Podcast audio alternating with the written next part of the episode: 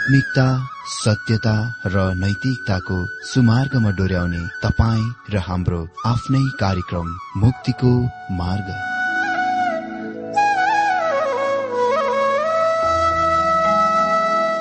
आदरणीय श्रोता यस मुक्तिको मार्ग कार्यक्रममा हार्दिक स्वागत छ। आशा छ यस आत्मिक कार्यक्रमद्वारा जीवनमा आत्मिक आशिष अलौकिक शान्ति र आनन्द प्राप्त गर्नुहुनेछ। र जीवनमा धन्य अनुभव गर्नुहुनेछ। आउनुहोस् श्रोता। मन र आत्माको तयारीको लागि यो मिठो अनि मधुर भजन गीत सुनौ।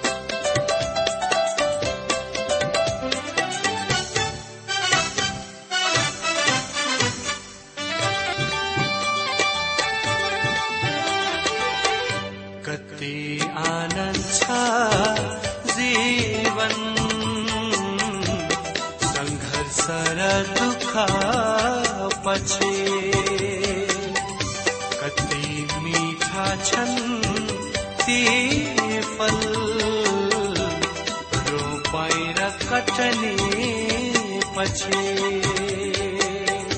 कति आनन्द छ जीवन सङ्घर्ष र दुःख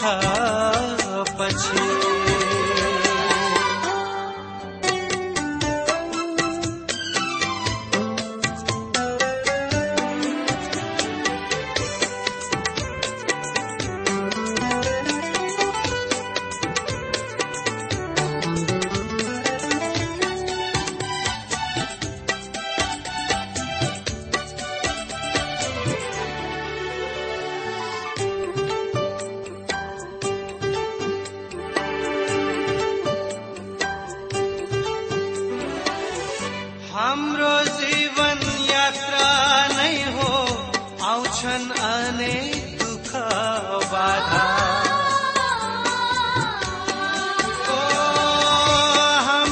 जीवन यात्रा हो अनेक दुःख बाधा। जीवन हाम्रो पानी जस्तै हुन्छ अनेक ठक्कर यहाँ। जीवन हाम्रो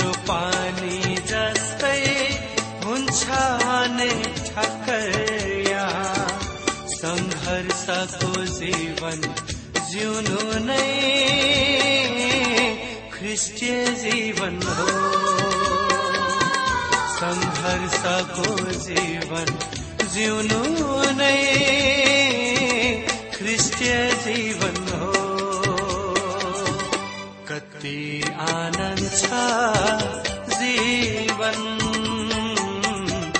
सङ्घर्ष र दुःख पछि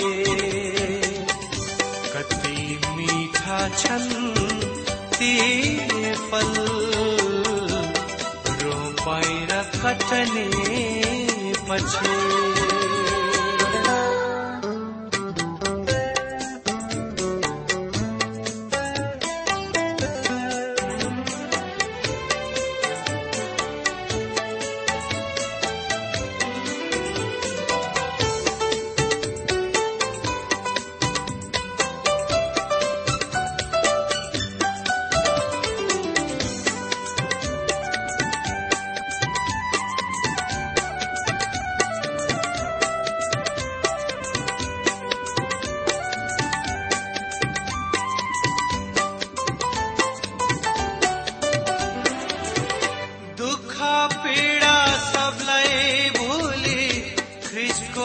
वचन याद गरे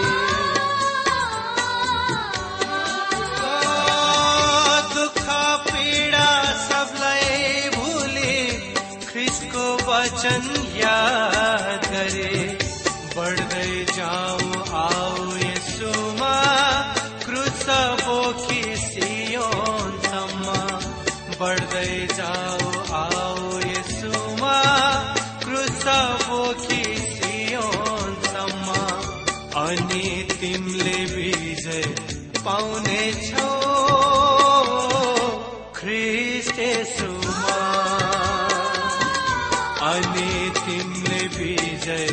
पाउने छौ। ख्रिस्ट यसुमा। कति आनन्द छ जीवन। सङ्घर्ष र दुःख पछि। कति मिठा छन् ती फल। रोपाइ र कटनी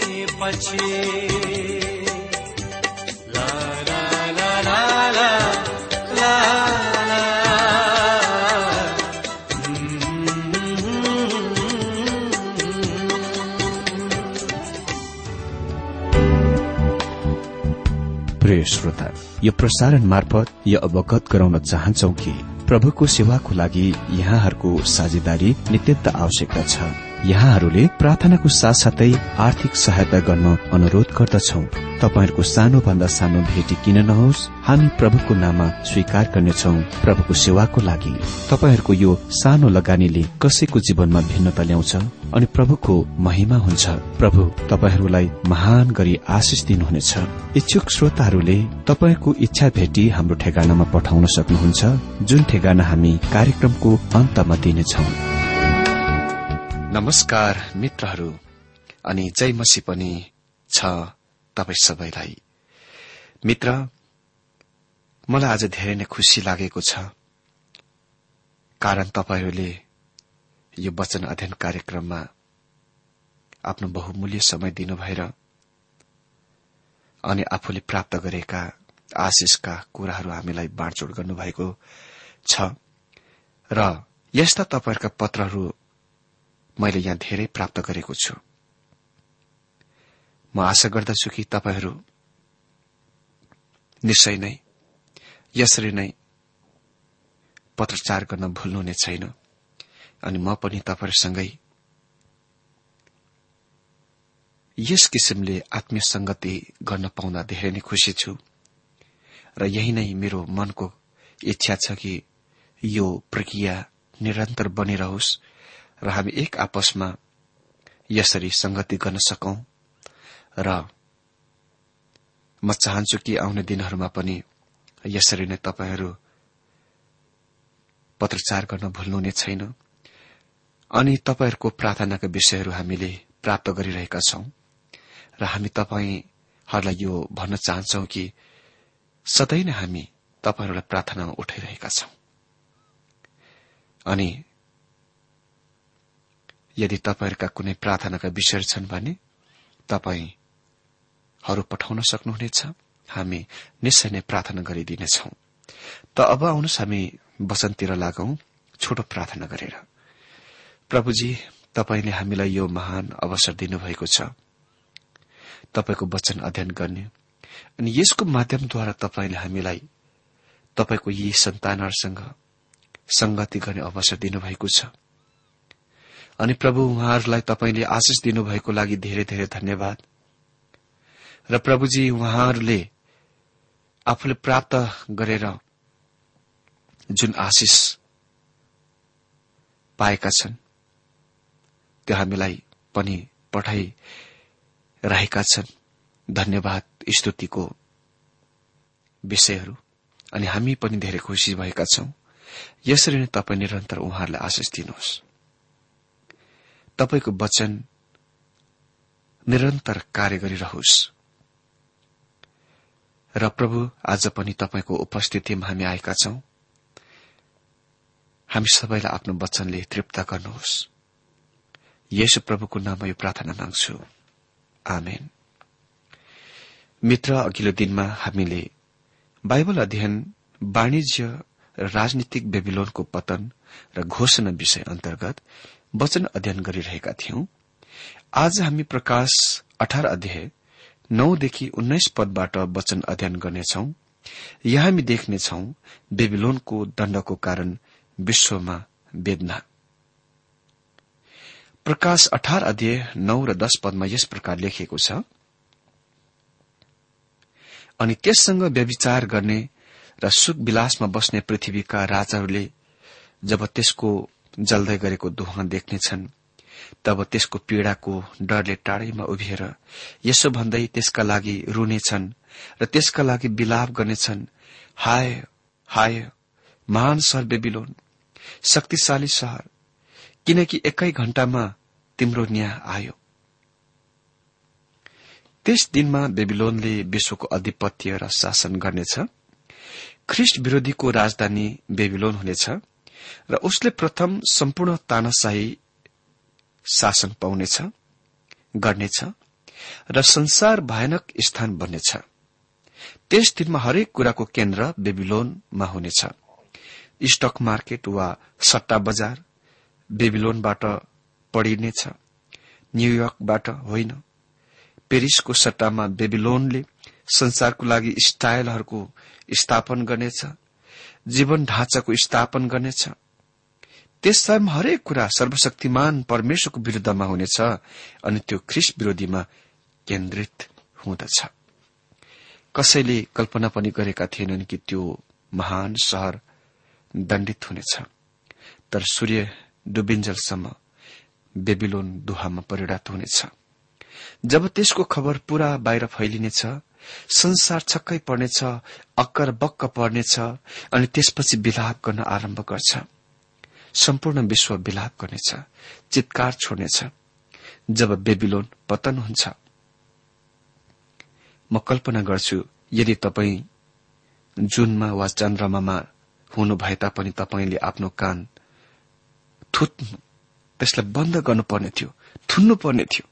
किनभने त्यहाँको चितकार र विलापको आवाज एकदम भयंकर ठूलो हुनेछ। सत्र अध्यायमा हामीले देख्यौं कि पृथ्वीको राजाहरूले धार्मिक बेबिलोनलाई घृणा गर्थे र ख्रिस्ट विरोधीले त्यसको सर्वनाश गरे ताकि धर्मको त्यो क्षेत्रमा बिना प्रतिस्पर्धा खालि उसलाई मात्र आराधना गरिन सकियोस्। अनि पृथ्वीका राजाहरू तिनको विध्वंसमा ख्रिष्ट विरोधीसँग एउटै भए मिले। यसको ठिक विपरीत उल्टो यहाँ अठार अध्यायमा हामी देख्छौ कि त्यस वाणिज्य बेबिलोनले तिनीहरूका बाकासहरूमा आर्थिक आमदानी ल्याउने भएकोले गर्दा त्यसलाई प्रेम गर्थे।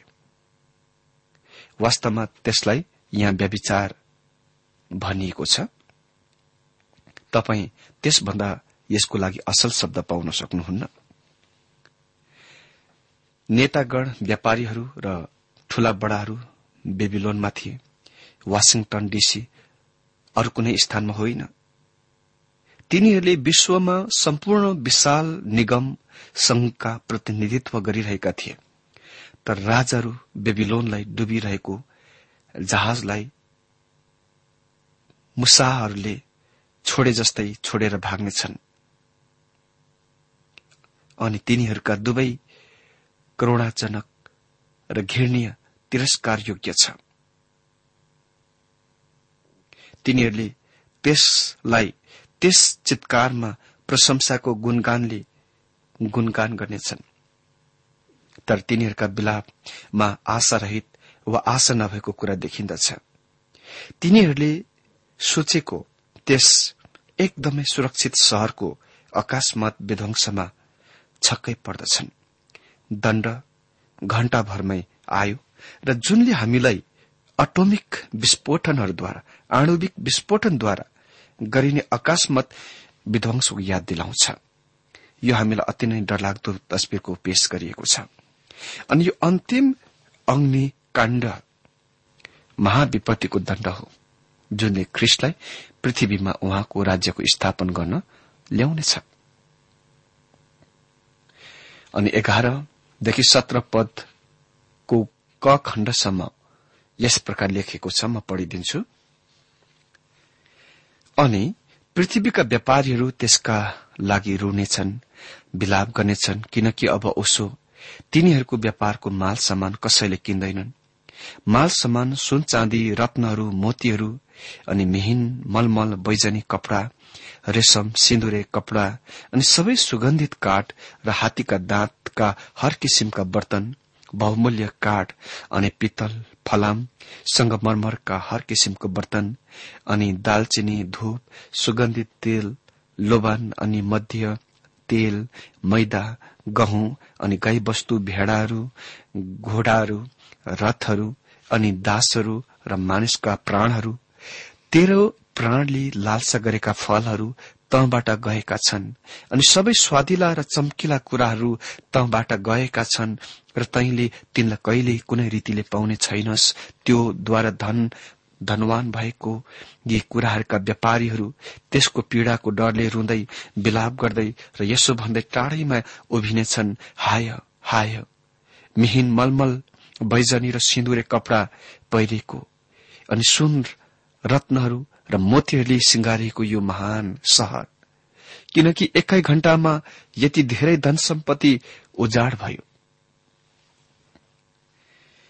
मित्र यी कुराहरू सामानहरू धनी सम्पन्न समाजका लागि हुन्। अनि यी सामानहरू युहानका दिनमा रोमी साम्राज्यमा उपलब्धहरू थिए। बेबिलोन यी विलासिता सामानहरूलाई आवश्यक कुरा बनाउनेछ। अनिवार्य जस्तो बनाउनेछ। जस्तो कि सम्पन्न धनी मानिसहरू राष्ट्रहरू सोच्दछन् कि यी कुराहरू अति आवश्यक कुराहरू हुन्। तपाईँ यस सूचीमा साधारण खाइएका शुद्धिका कपड़ाहरू उल्लेख भएको पाउनुहुन्न। अमित्र कुनै पनि यस्ता राम्रा चिजहरू पाउने प्रयोग गर्ने हरेक मानिसको विशेष गरेर सम्पन्न पैसावाला मानिसहरूको अभिलाषा हुन्छ। अनि मानिसहरू आसन सरल आरामदायक र विलासिताका कुराहरू पाउने इच्छा गर्दछन्। र यो पैसावाला धनी मानिसहरूको लागि जीवन ढाँचाको एक अभिन्न अंग जस्तै भएको छ। मित्र अहिले ती सरसमानहरूको ध्यान दिनुहोस् जुन त्यस दिनमा वाणिज्य केन्द्र बेबिलोनमा पाइन्दथ्यो उपलब्ध थियो। त्यहाँका मानिसहरू विलासितामा रहेका थिए।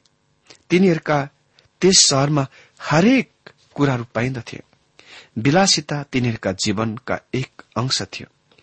तर त्यस शहरमाथि परमेश्वरको दण्ड अकाशमात खस्दछ र त्यो शहर र त्यहाँका सम्पूर्ण सामानहरू नष्ट हुँदछन्। अमित्र त्यहाँ उपलब्ध ती कुराहरूको म छुट्टै छुट्टै यहाँ उल्लेख गर्न गइरहेको छु। पद दसदेखि बाह्र पद। यहाँ भनिएको छ हाय हाय महान सर बेबिलोन शक्तिशाली सर किनकि एकै घण्टामा तिम्रो न्याय भयो। अनि पृथ्वीका व्यापारीहरू त्यसका लागि रुनेछन् विलाप गर्नेछन् किनकि अब उसो तिनीहरूको व्यापारको माल सामान कसैले किन्दैनन्।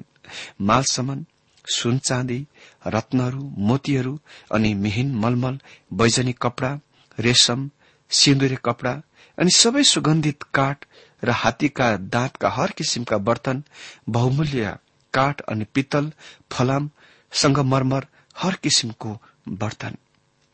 कसैले पनि तिनीहरूका माल सामानहरू कति पनि किन्ने छैनन्। बेबिलोनमा सुन र चाँदी रत्न र मोतीहरूका विक्रय वस्तुका व्यापार छ। यहाँ हामी आभूषणको गहनाका विभागमा छौं। त्यसपछि आभूषण गरगहना विभागबाट स्त्रीहरूको तयारी लगाउने वस्तुहरूतिर सर्दछौ। मिहिन मलमल वैचनिक कपड़ा रेशम सिन्दुरे कपड़ा। अनि त्यसपछि विलासिता उपहार वा गिफ्ट विभागमा सर्दछौ। सबै सुगन्धित काठ र हात्तीका दाँतका हर किसिमका बर्तनहरू। बहुमूल्य काठ अनि पित्तल फलाम संगमरमरका हर प्रकारको बर्तन। अनि हामी फेरि मसला र अंग विलेप वा शरीरमा लेप लगाउने वस्तु छर्काउने वस्तु अनि सौन्दर्य प्रसादन वस्तु विभागतिर सर्दछौ। दालचिनी धूप मसला सुगन्धित तेल लोबान यो सेन्ट हो अमित्र तिनीहरूले यस्ता कुराहरू एकदम धेरै प्रयोग गर्दा थिए अहिले हामी मध्य रक्सी विभागतिर र पेस्ट्री केन्द्रतिर सर्दछौ। मध्य तेल र मैदा गहुँ। यो धनीको आहार हो। जौ चाहिँ गरीबको आहार हो। धनीहरूले यस्ता दामी कुराहरू खाइरहेका थिए र तिनीहरूले विलासिताको आनन्द भोग तबसम्म त्यहाँ गरिरहेका थिए जबसम्म बेबिलोन पतन भएन।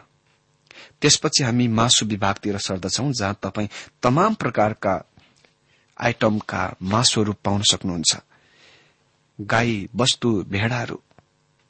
यसरी त्यहाँ भएका विक्रय वस्तुले व्यापारका प्रत्येक वा हरेक कुराहरूको चीजहरूको ढाक्दछ।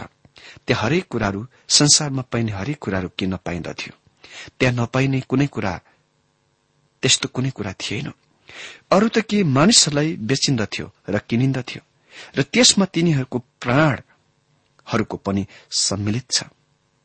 जीवनहरूको पनि सम्मिलित छ। म सोच्दछु यो झन धेरै धेरै सत्य बनिरहेको छ। जहाँ ठूला संघहरू पेय रोलमा लिएका छन्। जो त्यहाँ लगभग दासहरू जस्तै बन्धित छन् बाँधिएका हुन्छन्। यसै बेला त्यहाँ विश्वमा धेरै केटीहरू छन् जसले आफ्नो देह बेचिरहेका छन्। घोडाहरू रथहरू अनि दासहरू र मानिसका प्राणहरू।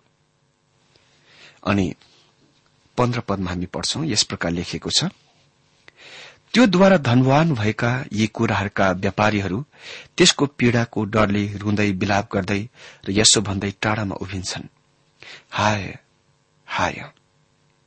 मित्र हाम्रो ग्रीक शब्दलाई त्यसको अर्थ पाउन अनुवाद गरिराख्न आवश्यक छैन। यो ओवाई ओवाई हो। यस शब्दको आवाज नै विलापको रूप वा आकृति हो। पृथ्वीका व्यापारीहरू तिनीहरूका टीभी स्क्रिनको सामने बस्दछन् र यसो भन्दा विलाप गर्दछन् ओवाई ओवाई किनकि एकै घण्टामा यति धेरै धन सम्पत्ति उजाड भयो नष्ट भयो।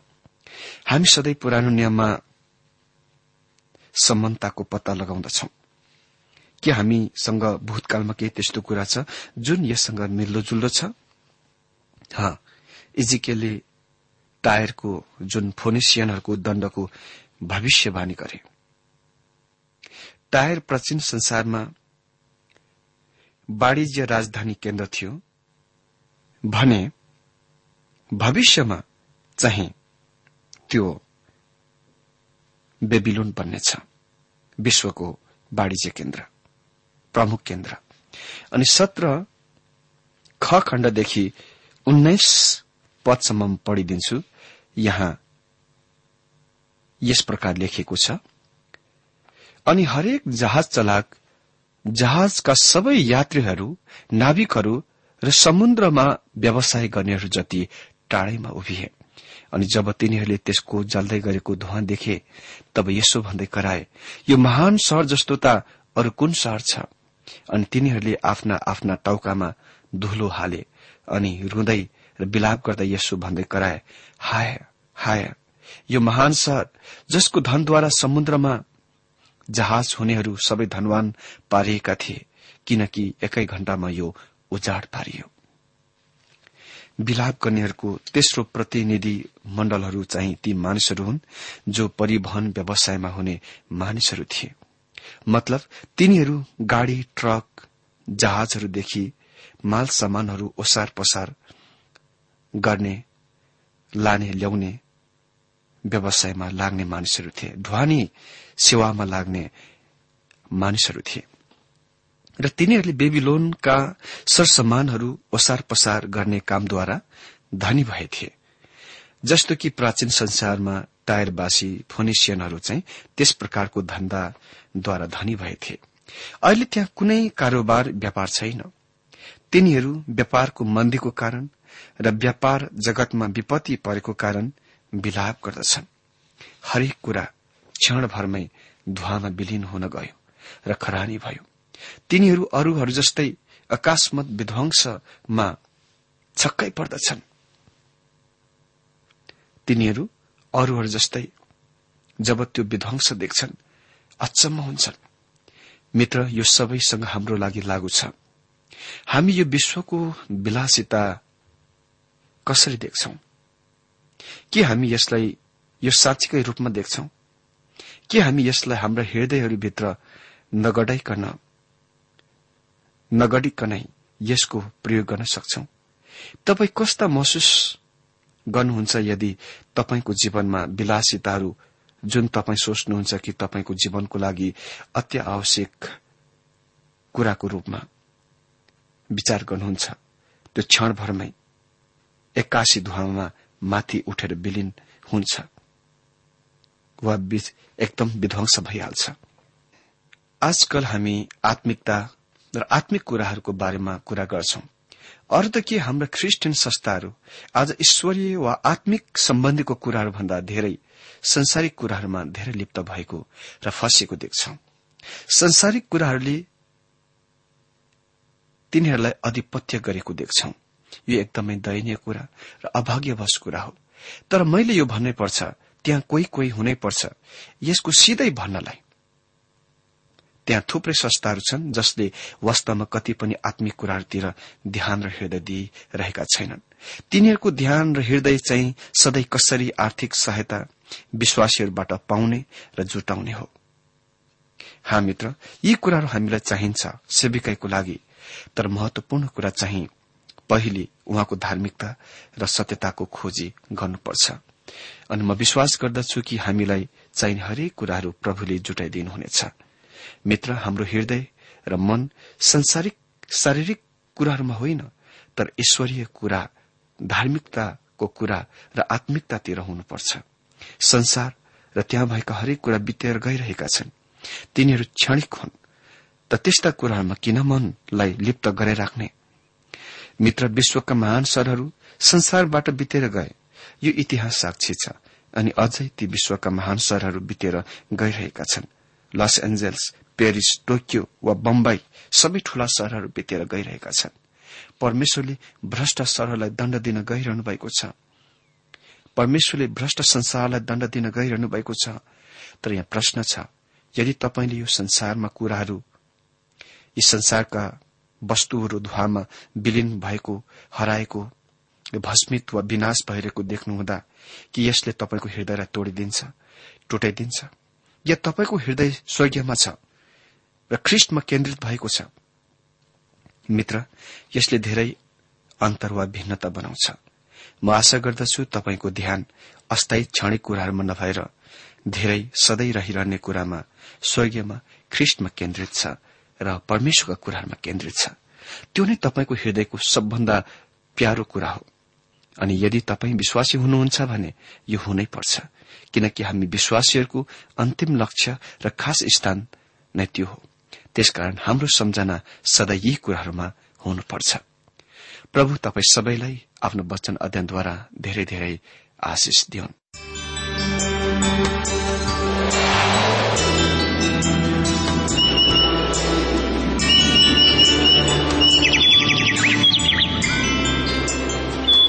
प्रिय श्रोता अहिले भर्खरै तपाईँले टीडब्ल्यूआर नेपालद्वारा संचालित आत्मिक कार्यक्रम मुक्तिको मार्ग सुनिरहनु भएको थियो। श्रोता आजको यो कार्यक्रम सुनेर तपाईँलाई कस्तो लाग्यो? यदि यो कार्यक्रम सुनेर मनमा कुनै खुल्दुली वा कुनै प्रतिक्रिया अर्थात सुझावहरू छन् भने हामीलाई पत्रद्वारा लेख्न सक्नुहुनेछ।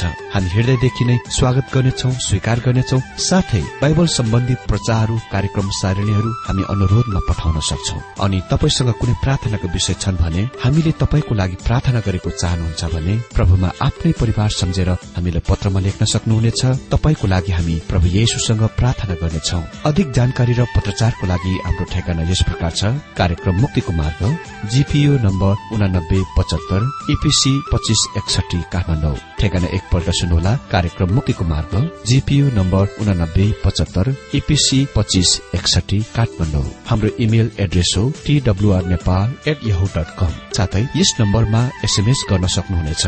अन्ठानब्बे चार सत्तरी पैतिस छ सय उनासी नौ आठ चार सात जिरो तीन पाँच छ सात नौ। हुन्छ श्रोता आजलाई हामी विदा चाहन्छौ। अर्को कार्यक्रममा हामी पुनः भेट्नेछौ तबसम्मलाई नमस्कार।